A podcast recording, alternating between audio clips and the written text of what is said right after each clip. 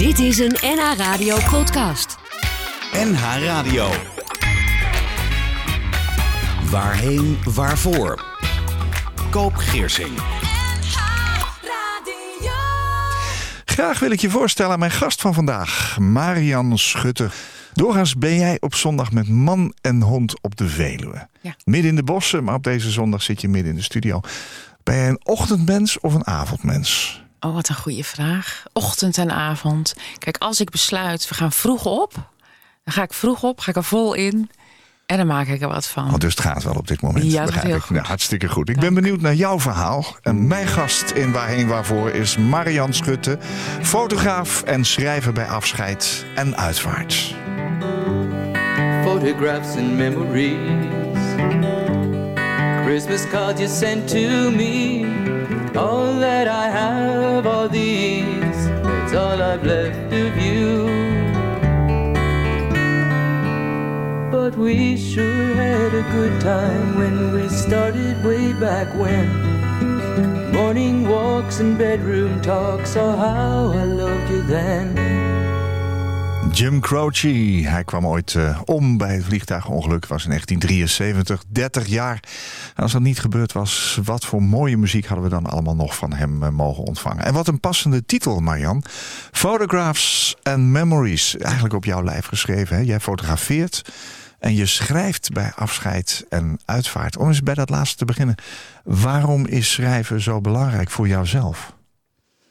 Schrijven is vanaf het begin dat ik letters kon lezen. En aan elkaar kon rijgen al heel belangrijk. Vanaf je vierde, vijfde, zesde jaar of nou, zo? wat, vanaf de eerste klas lagere school. En toen dacht ik, dat kan ik dus zelf ook. En toen begon ik versjes te schrijven. Toen al. En rijmpjes, ja, ja, ja. Heb je dat bewaard? Het moet ergens zijn, maar ik kan het niet naar boven toveren. Heel jammer. Ik heb het wel. eh, ik was acht en toen droeg ik dat voor bij, het, eh, bij een feest van mijn grootouders. En dat was geweldig. Het kwam lekker uit mijn hart. Kindertaal. Maar het rijmde wel en dat vond ik zelf heel, eh, heel fijn. Je schrijft bij afscheid en, en bij uitvaarten. Ehm, ja, je bent dat dus blijven doen. En, en waarom uiteindelijk richting dat afscheid en richting uitvaart? Want je kan ook schrijven, je kan ja, commercieel schrijven. Je kan schrijven bij trouwerijen, zeg maar. Je kan boeken schrijven. Waarom afscheid en uitvaart? Ik heb een paar fascinaties al mijn hele leven, denk ik. En dat is ouderdom. En eh, dus ou- ouderdom, oudere mensen. Dus die, die zijn belangrijk. Hun verhalen mogen niet verdwijnen. Dus daar moet ik mee praten. Dat had ik ook als kind al. Ik weet niet of ik het toen al opschreef, maar ik bewaarde dat wel. Al die eh, dingen die zij zeiden. Ik ging veel bij mijn grootouders in de fotoboeken kijken. En toen mijn oma alleen overbleef, dan, nou ja, iedere maand zat ik daar wel in die fotoboeken te pluizen. En het verhaal van haar eh, te beluisteren. En later eh, is het eigenlijk zo gelopen dat ik eh, ben gaan schrijven met het oog op, op afscheid. En me daar ook, eh, daar heb ik steeds meer over verteld, ook aan andere mensen. En ik krijg er steeds meer vraag naar. Dus ook ja, aan de voorkant, hè, als mensen nog niet zijn overleden, dus bij ziekte. En, eh, en bij, het, bij de uitvaart is het eigenlijk meer zo dat ik een fotoboek maak. Want dan ben ik fotograaf en ook Ja. de teksten mee Ja. opnemen in een boek. Die fascinatie voor eh, ouderdom en voor, voor mensen die, die zeg maar levenservaring hebben. Die heb je dus ook al heel erg lang mee. Waar, waar komt die vandaan? Weet je dat ook? Nou, ik weet het niet precies. Mijn moeder die zei altijd wel van je wilt altijd mee waar eh, oudere mensen zijn. Dus of naar een, een, een studieavond van de kerk. En dan ging ik met die oude mensen praten. Zo, hoe dat precies komt, weet ik niet. Ik weet wel dat ik eh, heel vroeg met, met een eh, oudere meneer... die een tuinproject bij ons begeleidde. En eh, op school. En Een schooltuintje, Een zeg schooltuintje, maar. Ja, ja, ja. ja. Hoe oud was je toen? Een jaar of? ik was een jaar of tien. En deze meneer had veel levenswijze. Maar hij leerde mij ook met de handen in de aarde eh, de boontjes kweken. en dat maakte zo'n indruk op. Maar deze meneer weet veel. Hij kan veel. Hij leert mij wat. was een ouder iemand dus ook. Hè? Maar je bent daardoor ook misschien wel heel erg die natuur leuk gaan vinden. Ja, was ook al vroeg. Ik weet dat ik een jaar of negen was en dacht... wat wil ik later worden? Bomenkenner. Maar wel bomen kennen. ja, dus dat leek me een mooi vak. Ja. Eh, En wat gebeurde er toen?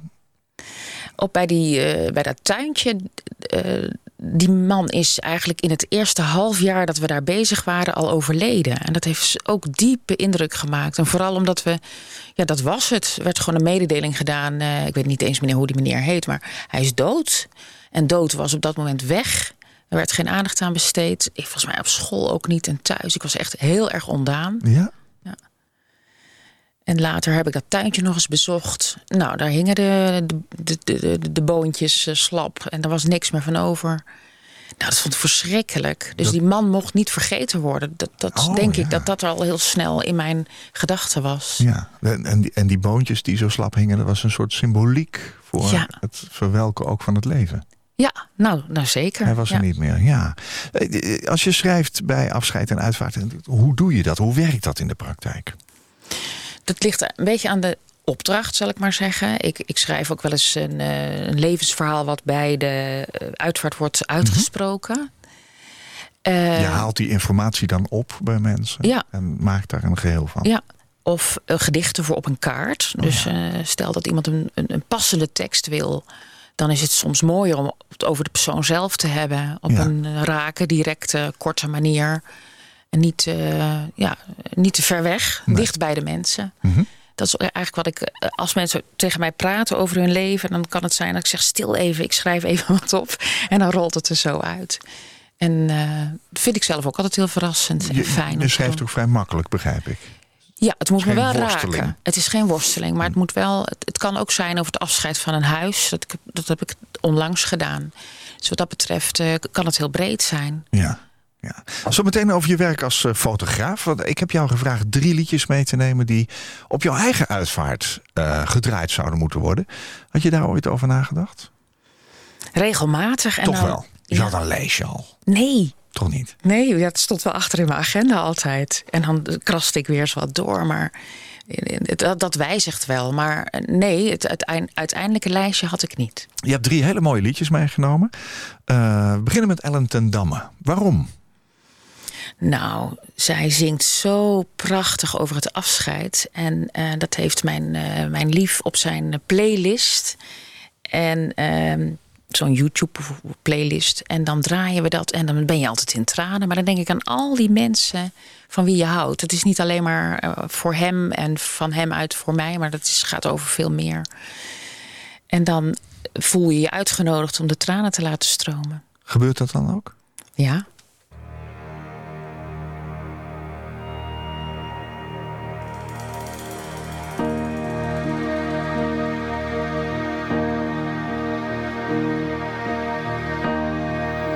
Verleden is verboden.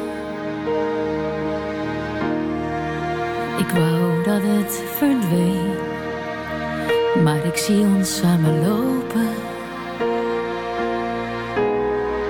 En we wisten niet waarheen. Nog raak ik je aan. Maar de afstand wordt al groot. Nee,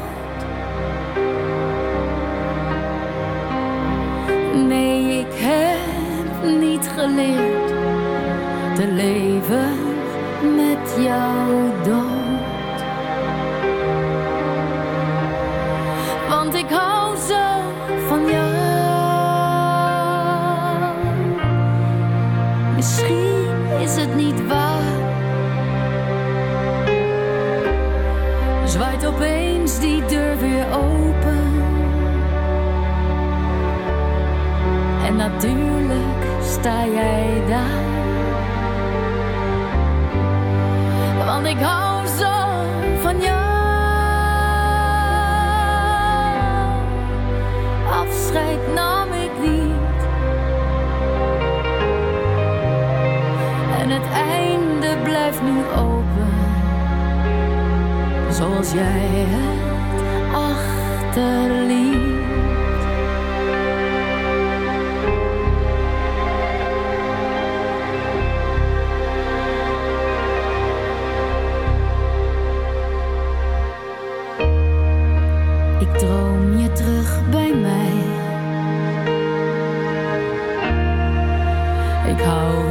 Goed vast. Heb ik je vaak genoeg gezegd dat er niet één zo bij mij past. En ze zeggen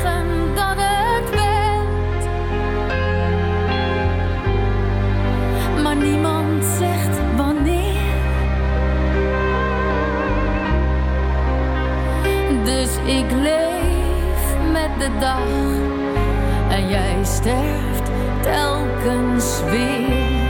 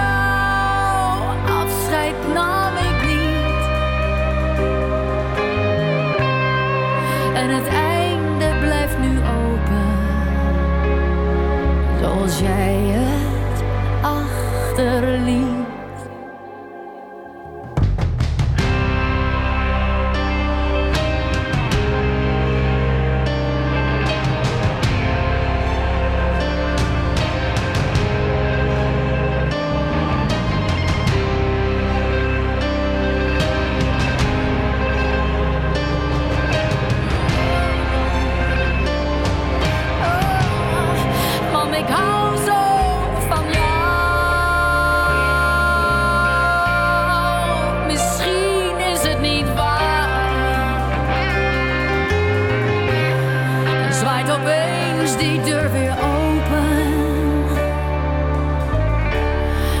En natuurlijk sta jij daar. Want ik hou zo van jou. Afscheid nam ik niet. En het einde blijft nu open. Zoals jij het Ellen ten Damme. Zij sloot in 2016 The Passion af met dit lied Open Einde. Het origineel is van Rob de Nijs. En eh, ja, als Maria zingt zij over het verlies van en de liefde voor haar zoon Jezus. En dat was voor jou lief, hè? Het was voor mij lief, Willem. Ja, Willem? ja, wel even afgesproken. Je zou zijn naam even laten vallen. ja. Uh, Marianne is vandaag mijn gast. Zij schrijft bij afscheid en bij uitvaart, maar zij fotografeert ook. Um, wanneer kwam dat moment, Marianne, dat je naast schrijven bent gaan fotograferen? Nog niet zo lang geleden. Oh? Ja, 2012 dus je denk ik. Dat schrijven, dat heb je je hele leven al gedaan. Ja, En op een gegeven moment dacht je, daar kan ook nog wel een plaatje bij. ja ik, ik eh, eh, kwam erachter dat ik in plaatjes denk. En het kwam eigenlijk doordat ik met mijn telefoon... dat was een Blackberry, oh, dat mag ik natuurlijk niet zeggen. Dat heb je al gezegd. En, uh, Excuus. ja. En ik heb over uh, een prachtig plein in Breda uh, de opening van een fotofestival gefotografeerd. En dat ingezonden voor een wedstrijd. Want er was een mooiste beeld. Oh, je, je, je telefoonfoto. Gewoon mijn telefoonfoto. Ja. Beeld van Breda. En dat was de bijna winnende, het bijna winnende beeld. En uh, een, een, precies zo'n beeld won ook. En ik dacht, nou ga ik een camera kopen. Ik wil die plaatjes, ik wil het vastleggen. En ik ben het eigenlijk gaan doen zoals ik ook schrijf. Ik wil één, één beeld, uh, de, de, realiteit van dat moment... maar tegelijkertijd ook een, nieuw, een nieuwe kijk op wat er is. Dus ja. één gestolde beeld. Iedereen fotografeert tegenwoordig. Hè? Ja. Uh, uh, dat kan natuurlijk ook met de techniek van nu. Um, jij fotografeert bij afscheid en bij overlijden en ook mm. ervoor. Uh, dat kan ook heel confronterend zijn om dan met zo'n camera te komen. Hoe doe je dat? Nou, als de mensen de behoefte hebben om nog plaatjes te hebben van de laatste uh, fase van het leven, dan nodigen ze je eigenlijk uit in het kwetsbaarste moment van, uh, van hun leven. Dus daar tune ik op in. Maar ik tegelijkertijd realiseer ik me dat is een mens. Ja. Die heeft gewoon al heel lang geleefd of kort. Ik, ik mag daarbij zijn. Ja. Jij, jij fotografeert inderdaad mensen die weten dat ze gaan sterven. Op jouw website, heb ik gezien, staat Leni. Ja. 85 jaar. En die is afgelopen zomer overleden. Hoe begon dat contact? Leni is een goede vriendin van mijn moeder. En ik zag Leni regelmatig. En op een gegeven moment ging ik naar haar toe. En toen zei ik: Leni, je bent zo mooi. Mag ik foto's van je maken? En ze was helemaal verrast. Ze zei: Ik ben helemaal niet mooi. Wat bedoel je? Maar schitterende vrouw van binnen en van buiten. Ze we raakten aan de praat. En Leni is ook tijdloos. En ook, ook al is zij nu weg, zij is niet weg. Ze is een meisje van tien geweest. En een vrouw van eh, 20, 30 en ze is op de 85ste overleden. Ja, dat vind ik eh, fantastisch om mee te mogen maken. Ja, nou fotografeer je iemand bij leven. Overigens, Ja. die foto is te zien hè, van, eh, van Leni op Ja. jouw website Ja. eh, marianschutte.nl. Ehm, dan sterft ze. Wat doet dat dan met jou? Ik was twee dagen voor haar overlijden bij haar. Want ze heeft mij gevraagd eh, de foto voor op haar rouwkaart te maken. Van een mooie plek in Breda. En die ben ik haar gaan brengen in een boekje. En ja, ik, ja, bij zo'n afscheid... eh, je knuffelt elkaar en je zegt nog iets liefs. En dan is het net of het geen afscheid is. Het is niet... Ik heb helemaal niet vaarwel of zo gezegd. We hebben nog gezwaaid bij de, bij de deur. Zij vanaf haar bed. En dat blijft mij bij. Maar ik ben wel verdrietig. En eh, er is een soort... eh, ja, een, een diepe toon van ik mag erom huilen. Nou ja, eh, mijn ervaring in mijn dagelijkse praktijk is dat als je eh, met mensen spreekt voordat ze echt overlijden, dat je aan ze gaat hechten. Dus je, je hebt dus Ja. steeds te maken op die manier ook met verlies, persoonlijk verlies. Ja. Wat doet dat met je dan? Ja, nou dat ervaar ik, dat is een goede vraag. Dat ervaar ik zelfs als mensen al overleden zijn en ik nog, die mensen nog niet ken. En dan, nou, er is iemand opgebaard en dan ga ik daar ook foto's van maken. Als dat de wens is van mensen. En zelfs dan hecht ik me een beetje, want die persoon heeft ook geleefd. Ja. Dus ik eer iemand, dus ik maak er altijd een moment van in mezelf. Eh, nou, als een, als een eh, ja, ik, ik kom eigenlijk in iemands leven en in iemands dood. ja. En dat is heftig, maar tegelijkertijd, ja, het soort eerbied voel ik en dankbaarheid. Oké, dus het doet je ook goed eigenlijk. Ja, Ja. Ehm, We gaan naar jouw tweede keuze. Dat is een eh, klassiek stuk. Eh Jessie Norman, een Ja. hele beroemde eh, klassieke zangeres. En die heeft een stuk gezongen, dat, dat gaan we straks draaien, Beim Schlafen gehen. Maar volgens mij heb jij daar een vertaling van gemaakt. En ja, die gaat ze nu even opzoeken. Het is de derde van de vier laatste lieder van Richard Strauss. En Jessie Norman die, die gaat dat zo dadelijk uitvoeren. Ehm, ja, wil je het voordragen? ja, mooi. Bij het slapen gaan. Nu ik moe ben van de dag, wil mijn groot verlangen vriendelijk de sterrennacht als een moe kind ontvangen. Handen, laat ze niets meer doen. Hoofd, hou op met denken. Al mijn zinnen willen nu wegzinken in de sluimer. Onbewaakt, zo wil mijn ziel zweven in een vrije vlucht, in de toverkring der nacht, diep en duizendvoudig leven.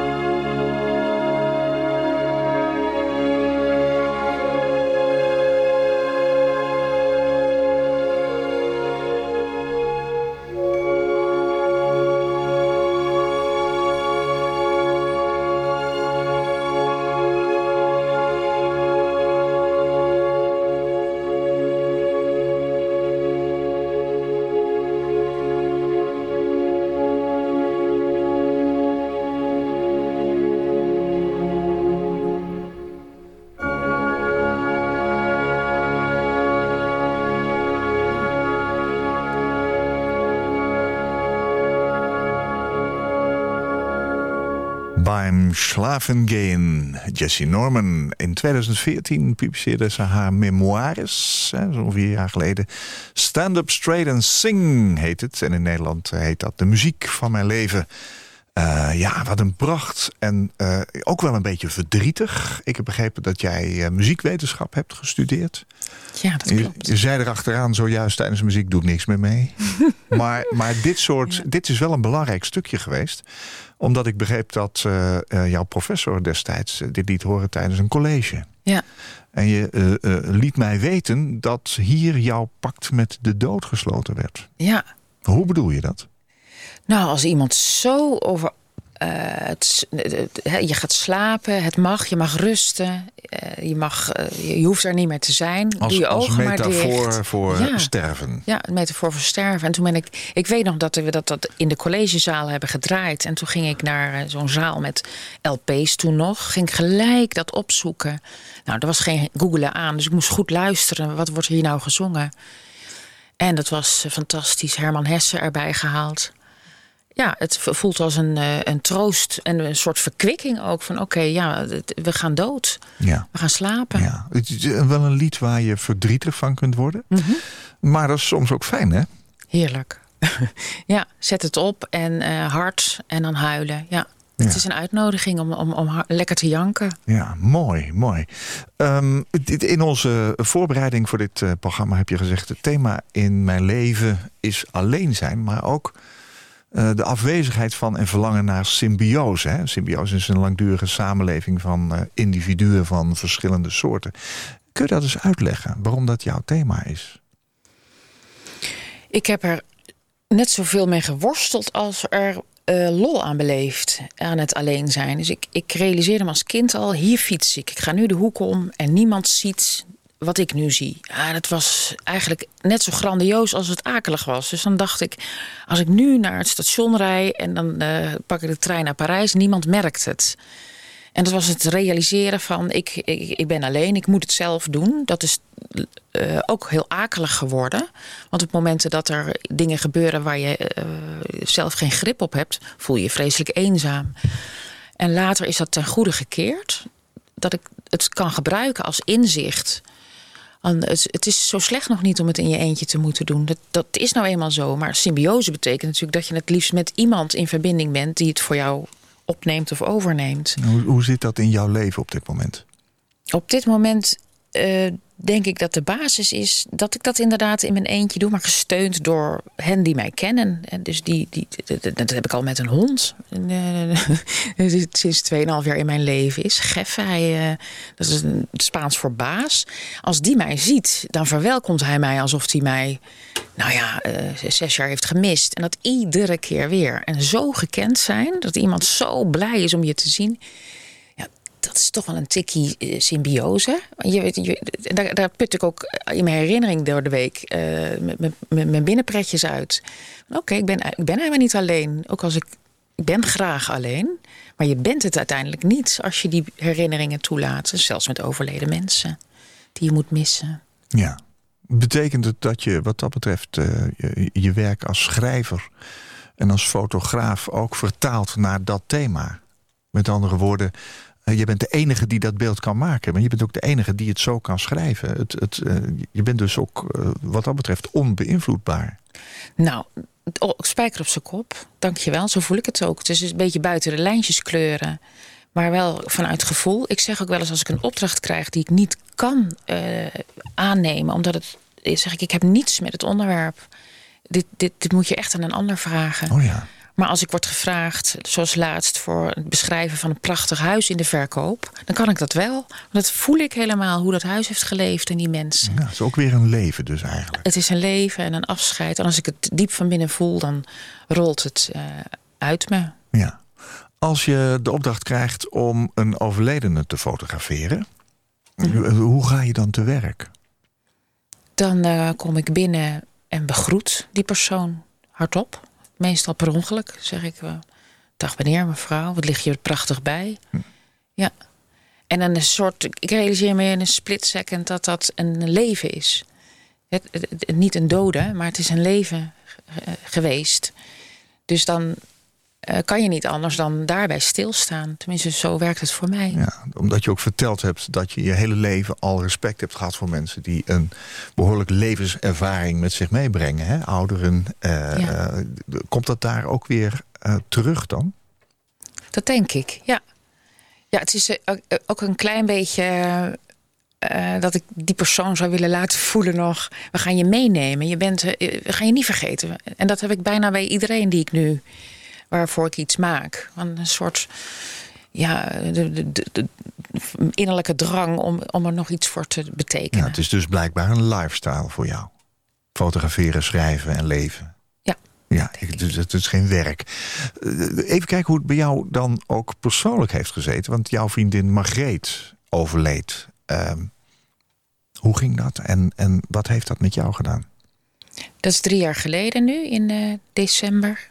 En een jaar daarvoor hoorden we dat ze ongeneeslijk ziek was. En het ging heel snel. En we hebben een prachtig jaar gehad van eh, bij elkaar zijn. Wetende dat zij Ja, dat ze dood ging. dood zou gaan. Ja. ja.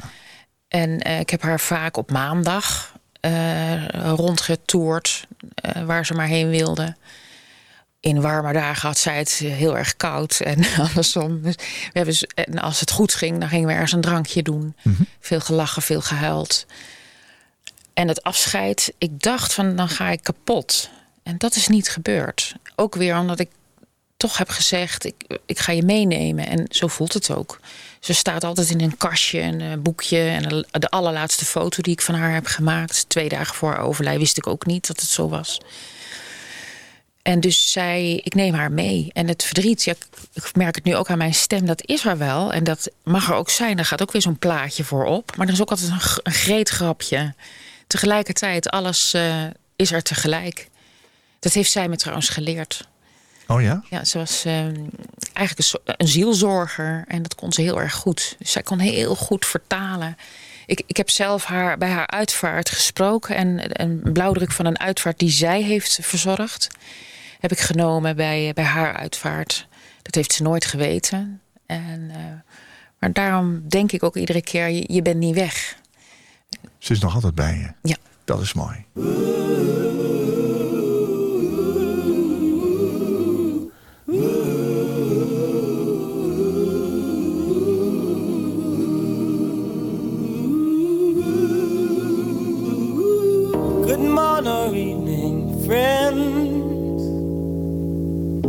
Your friendly announcer.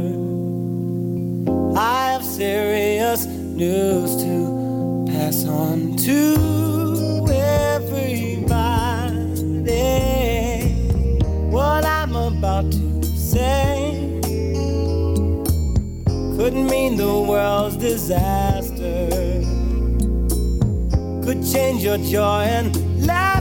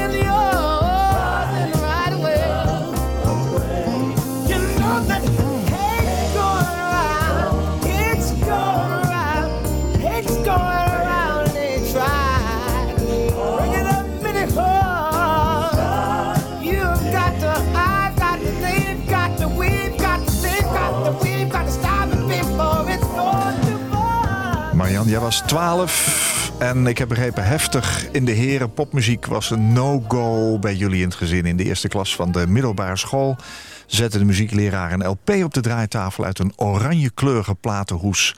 En dat was dit. Love's in the Need of Love. Today Stevie Wonder van eh, Songs in the Key of Life. Het klonk hemels.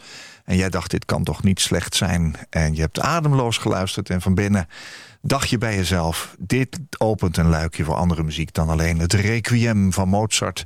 en de Brandenburg-concerten van eh, Bach. Ja. We hebben ook een beetje gedacht aan jouw vriendin Margreet... Ja. waar je drie jaar geleden afscheid van eh, eh, hebt genomen. Wat heeft haar sterven voor jou betekend als schrijver en fotograaf... bij afscheid en verlies? Ik denk dat ik het nog eh, lichter wil maken. Dat klinkt een beetje tegenstrijdig, maar eh, er is eh, heel vaak dat je in het zwart denkt bij afscheid en uitvaart.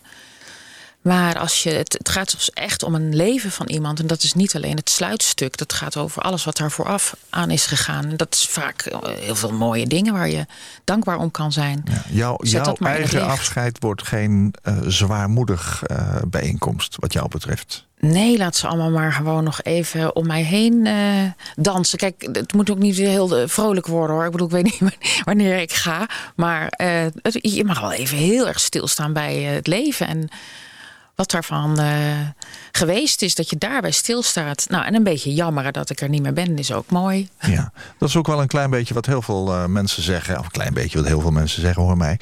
Ehm, je viert het leven van eh, iemand die is overleden. En Ja. dat kan natuurlijk als iemand op jonge leven, leeftijd overlijdt. kan het heel zwaar zijn.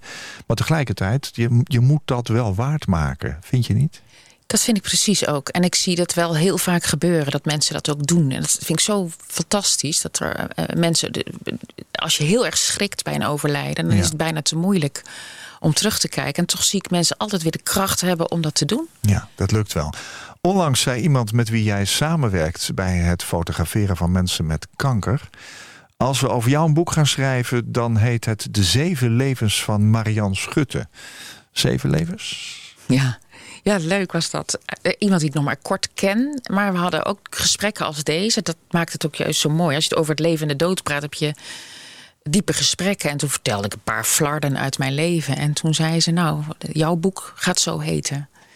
Want het eh, lijkt erop dat je heel veel eh, hebt meegemaakt. Nou, dat klopt. Ja. Ja, die zeven levens, daar ben je dankbaar voor.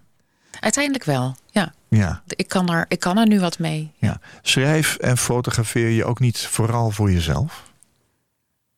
Waarschijnlijk wel. Ja, waarschijnlijk wel. Als ik het in ieder geval uit mijzelf, als het niet bij mij past, als het niet klopt, dan kan ik het ook niet. Dus dat klopt, ja. Ja. Eh, je fotografeert dus ook mensen die eh, kanker hebben en weten dat ze gaan overlijden. Dat kan best een wat lang proces zijn. Eh, hoe, hoe lang loop je met die mensen mee of hoe lang volg je ze? Nou, dat ligt gewoon eigenlijk aan de opdracht, noem ik het maar. Als, als mensen een, eh, een levensverhaal nog willen. Het, is ook, het kan ook bij andere ziektes zijn of bij ouderdom. Dan kan het zijn dat ik een half jaar eh, bij mensen ben regelmatig om met ze te spreken en te fotograferen. Ja. Het kan ook een heel klein, eh, dat je een keer een- op een middag bent. Wat merk je van die mensen als jij ze fotografeert? Want zij realiseren zich dan dat jij iets vastlegt. Wat er nog is als zij er niet meer zijn. Ja, nou vorig jaar was er een meneer, al wat ouder, en die zei: Ik wil nu op de foto, want we hebben nu lol. Ik wil nu. Hij is nog niet eh, overleden. Maar ze, dat wil, wordt mijn foto op mijn kist. Dat wel in het nu, maar ik ben nou vrolijk. Ik wil niet dat ik helemaal afgemat en. eh, maar die is wel ziek, die meneer. En daar geniet ik dan van. Denk, nou, en zo gaan we je ook onthouden. Zo. Ja. Je laat die foto's dan ook nog zien. Ja. Ja. Ja, zeker. Meteen even gestuurd van eh, Ja. dit, dit kan het worden. Ja. Dit ben je. Jouw hele respect voor mensen met een, met een verhaal. Hè? Mensen die, die ouder zijn. Die, dat, dat, dat straalt helemaal door in jouw werk. Je gebruikt beelden en je gebruikt woorden om het leven van mensen die uiteindelijk sterven te vatten. Ja. En je ontmoet soms mensen die overleden zijn. Maar dan realiseer je ook dat daar niet een overledene ligt, maar iemand die een leven achter zich heeft gelaten. Ja, Marian Schutte, schrijver en fotograaf. Dank dat je hier wilde zijn vanmorgen. heel fijn. En dank dat je het eh, verhaal met ons gedeeld hebt. Merci. Dat ga je goed. Koop Geersing.